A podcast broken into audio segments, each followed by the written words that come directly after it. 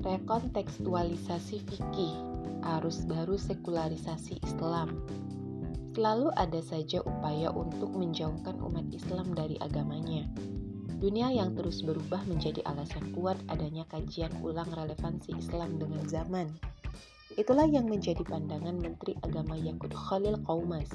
Menurutnya, ada empat alasan pentingnya rekontekstualisasi ortodoksi Islam. Pertama, bahwa pengamalan Islam adalah operasionalisasi dari nilai-nilai substansialnya atau pesan-pesan utamanya, yaitu tauhid, kejujuran, keadilan, dan rahmah.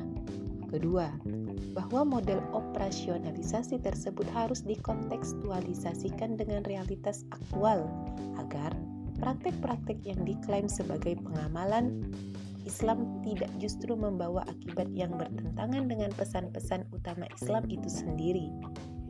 Alasan ketiga tentang pentingnya rekontekstualisasi fikih adalah bahwa dakwah Islam harus berjalan dengan tetap memelihara harmoni masyarakat secara keseluruhan. Keempat, bahwa walaupun tidak menjadikan non-muslim berpindah identitas atau agama menjadikan muslim, pengadopsian nilai-nilai substansial Islam sebagai nilai-nilai operasional dalam masyarakat adalah capaian dakwah yang amat tinggi harganya. Rekontekstualisasi fikih mengandung bahaya lebih besar bagi umat Islam. Pertama, menimbulkan kebimbangan terhadap Islam. Islam mereka utak-atik sesuai selera yang berkepentingan merusak Islam. Jelas hal ini sangat menguntungkan musuh Islam. Dengan sekularisme, dan liberalisme, mereka sudah berhasil mengacak-acak pemahaman umat sehingga kaum muslim kian jauh dari ajarannya. Kedua, mengebiri dan mengandalkan cakupan Islam dan kandungan sebatas nilai atau substansi semata.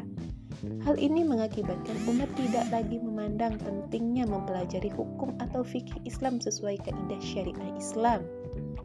Ketiga, memunculkan kaidah-kaidah yang menguliti dan mematikan ajaran Islam.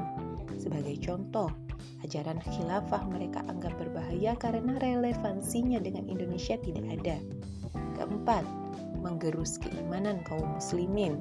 Rekontekstualisasi fikih adalah makna lain dari de-islamisasi. Pada akhirnya, umat merasa tidak perlu tunduk dan taat sepenuhnya pada syariat Islam. Kelima, menahan dan menghalangi kaum muslim dari puncak amal dalam Islam, yaitu menegakkan khilafah dan jihad visabilillah. Dalam Islam, sudah sangat jelas perbedaan kebenaran dan kebatilan. Cukuplah peringatan Allah Subhanahu wa Ta'ala menjadi renungan bagi setiap individu, apa pun kedudukannya. Layakkah mencari jalan selain yang sudah Allah dan Rasul-Nya gariskan? Dan janganlah kamu campur adukan kebenaran dengan kebatilan, dan janganlah kamu sembunyikan kebenaran, sedangkan kamu mengetahuinya. Quran Surah Al-Baqarah ayat 42 Thank you.